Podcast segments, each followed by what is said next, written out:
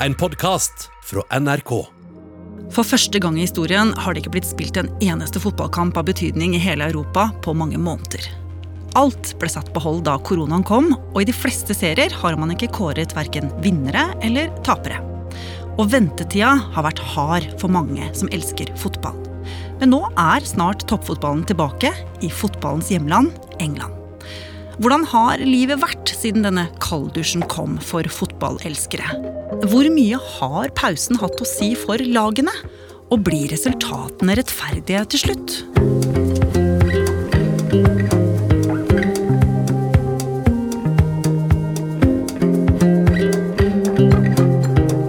Du hører på Oppdatert. Jeg heter Ragna Nordenborg.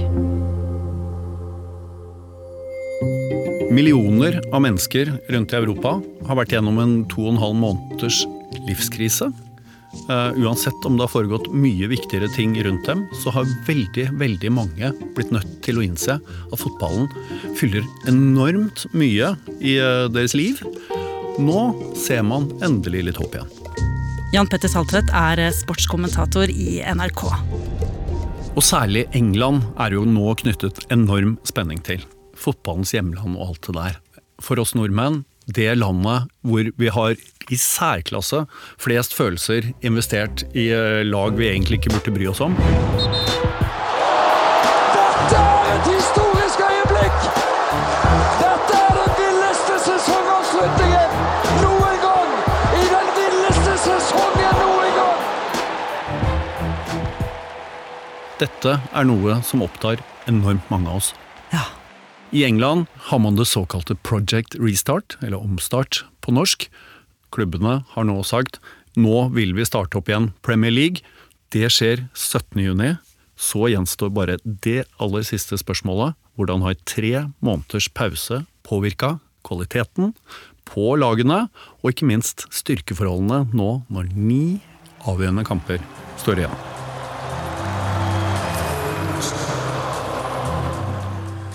I slutten av februar så satt man jo med en følelse av uovervinnelighet. Det er jo ikke sånn at man spiller selv, men Liverpool var så gode. Og det var bare et tidsspørsmål før vi skulle få lov til å løfte dette trofeet for første gang på 30 år. Andreas eh, Hagen er sportsjournalist i NRK og Liverpool-supporter. Liverpool har jo vært eh, veldig nære å å vinne toppdivisjonen i England flere ganger. Men så har man liksom akkurat ikke klart det. Det har derimot erkerivalen Manchester City klart. Hele fire ganger de ti siste årene. Og i fjor snøt de Liverpool for seieren med bare ett lite poeng. Altså Alle sesonger så hadde den poengsummen Liverpool fikk, vært nok. Men ikke den sesongen. Selvfølgelig ikke. Og da 2019-2020-sesongen starter, spør alle seg om det denne gangen, etter 28 lange år, endelig skal bli Liverpools tur. Liverpool er kjempegode. Og så kommer vi til juletider, og så er stikker Liverpool ifra. City taper noen kamper, Liverpool fortsetter å vinne, dundrer på som et svært tog. Og så har vi plutselig en enorm luke, og så tenker du hæ? Dette kan da ikke være mulig. Altså, hvor stor luke snakker vi? Nei, da var det jo plutselig ti poeng og mer, ikke sant? Og man følte seg at det skjedde sånn. Bare hæ, hvor ble det av City? Og så da utover eh, januar og februar så blir luken bare større og større, og så skjønner du at fader, de kan komme til å vinne ligaen allerede i, i, i mars, liksom. Aldri har noen klart det før. Det er jo helt vilt. Hvordan føltes det for deg som eh, Liverpool-supporter? Nei, altså, nå har jeg vært Liverpool-supporter i nesten altså, 35 år. da. Og Jeg har opplevd en del bra ting, men det har stort sett vært veldig mye skuffelser. Sånn er det jo, det kjenner Liverpool-supportere seg igjen i. Og så var det sånn, når vi først da skulle klare det, så var det bare på en så helt ellevill måte. Det var sånn Hæ? Skjer dette? Så skjønte vi at nå kom vi til å. Vi visste bare ikke når det kom til å skje. Det kom til å skje, men bare ikke når skjer det. Og jeg visste jo sjøl at jeg, jeg, skulle jo dit. Jeg skulle se nest siste hjemmekamp mot Burnley. Jeg skulle få være med på denne festen. Altså For meg personlig også, sånn, dette er for godt til å være sant.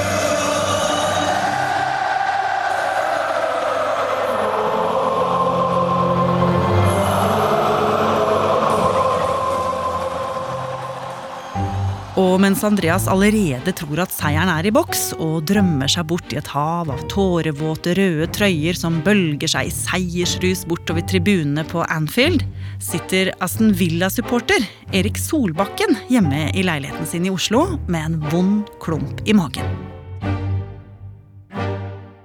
Det er jo sånn at uh, Som det ofte går i Premier League, så, så har du toppkampen, og så har du en fem-seks lag som utkrystalliserer seg som de dårligste. Som kommer til å kjempe det som er det verste med Premier League, som er nedrykksstria. Uh, og Villa havna i den sumpen der. fra januar litt uti januar, så klarte vi å få noen viktige seire, men så kom tap etter tap vi hadde en tapsrekke på fem kamper. Penalty kick for Leicester. Jamie Vardy, fresh off the bench, hits it into the net. Eh, og etter siste tapet eh, mot Leicester, vi ble vel knust 4-0, så begynte vi å tenke nå Hvis ikke noe skjer nå, så rykker vi ned. Vi har mista momentumet. Vi har mista det.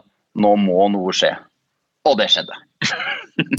For da koronaen kommer, er det full stopp. The big uh, football events in Europe have been put on hold. That includes the uh, English Premier League and the Champions League as well. Alle kamper etter 9. mars blir avlyst.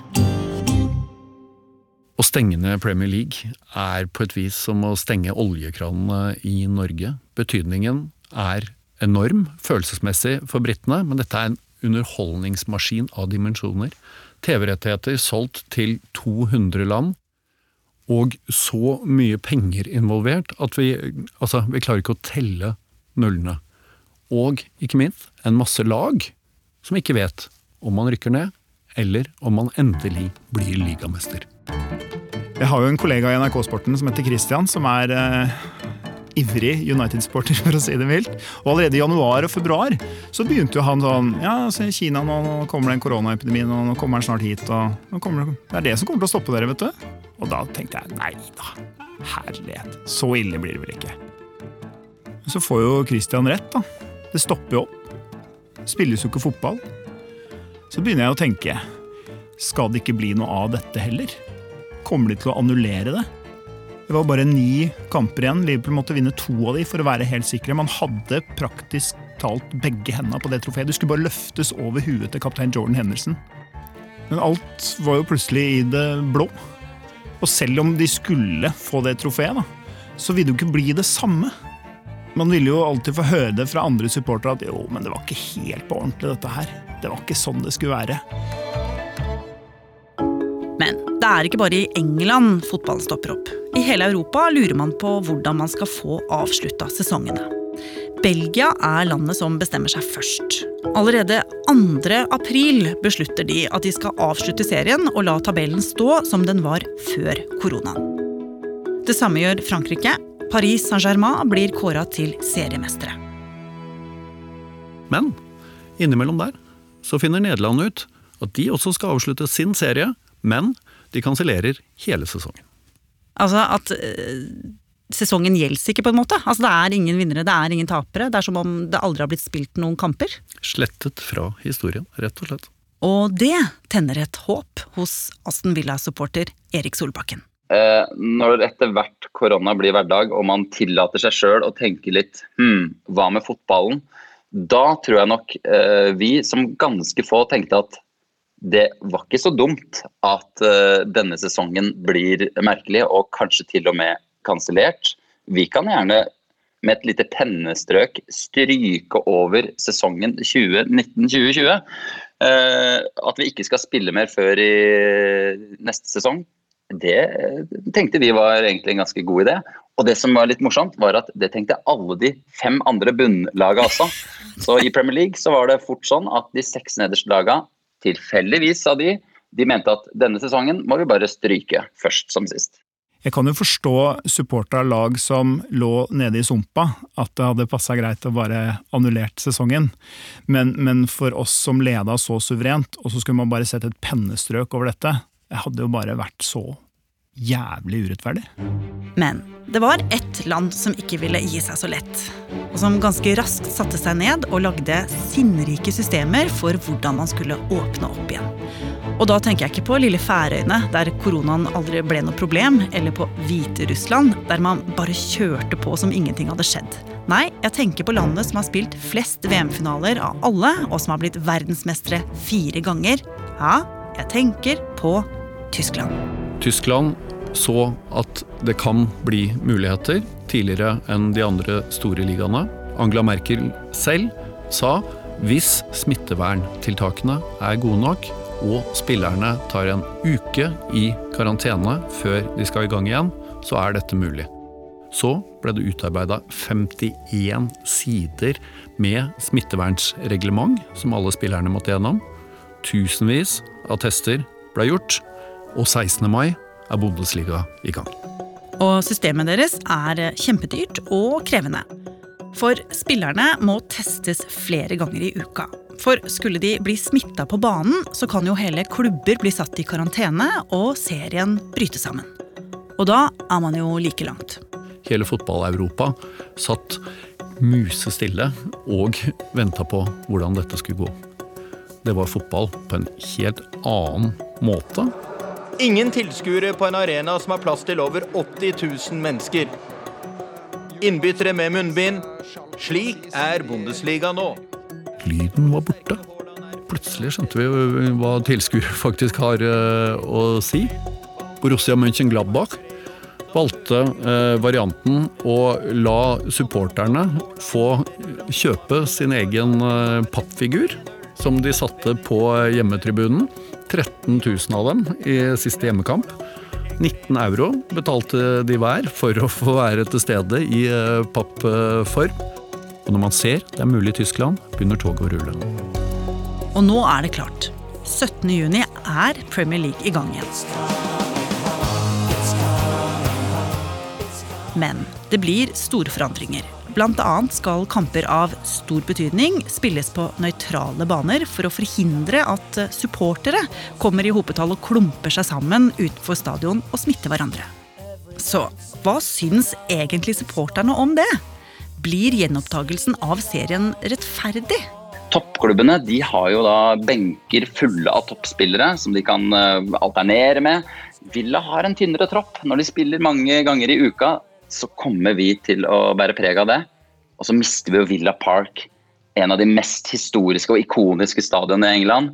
Eh, der får vi ikke spille. Jeg føler at det her ikke taler vår sak. I tillegg så ligger jo lokket over over alle fotballbekymringer så ligger jo koronaen, som har prega Storbritannia, England og Birmingham som by også. Og nå, i forrige uke, så døde jo eh, faren til hovedtreneren i Aston Villa, Dean Smith. Han døde av korona. Hvordan påvirker det selve mentoren? Eh, det, føles, det føles feil. Eh, det føles ut som at vi har en fotballoppstart med en kraftig bismak og et etterspill. Uansett hvordan det ender, så vil man jo alltid tenke at dette ble ikke sånn som det skulle ha vært. Den følelsen kommer alltid til å være der. Man får ikke løfta trofeet på et fullsatt Anfield. Man får ikke kjørt parade rundt for 100 000 mennesker i Liverpool sentrum. Men så tenker jeg at når man har sjansen til det igjen, om det er langt inn i 2021, så skal det trofeet løftes, og det skal være hundretusenvis av mennesker i Liverpool som skal få lov til å stå der og se det og nyte det og sikkert gråte litt òg. Det er en sesong som til de grader kommer til å fremstå som det store unntaket på alle måter. Livene har vært store unntak for eh, hele verden. Og da aksepterer man på et vis at fotballen ble ikke helt som man hadde trodd hele veien ut, men dette er det nærmeste man kan komme en rettferdig løsning. Og til slutt, Jan Petter, du som er sportskommentator tør du spå hvordan det går med lagene til Andreas og Erik når Premier League er i gang igjen? Som sportskommentator har man selvfølgelig sin helt egen krystallkule. Nå er jeg gnidd og kikka. Leopold blir ligamestere. Og dessverre for Erik Solbakken, Aston Villa rykker ned.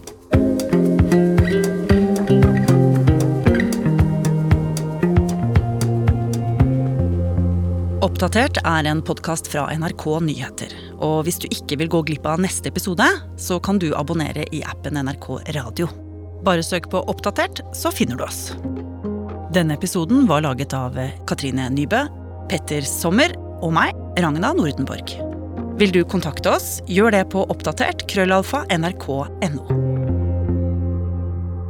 Du har hørt en podkast fra NRK. Hør flere podkaster og din favorittkanal i appen NRK Radio.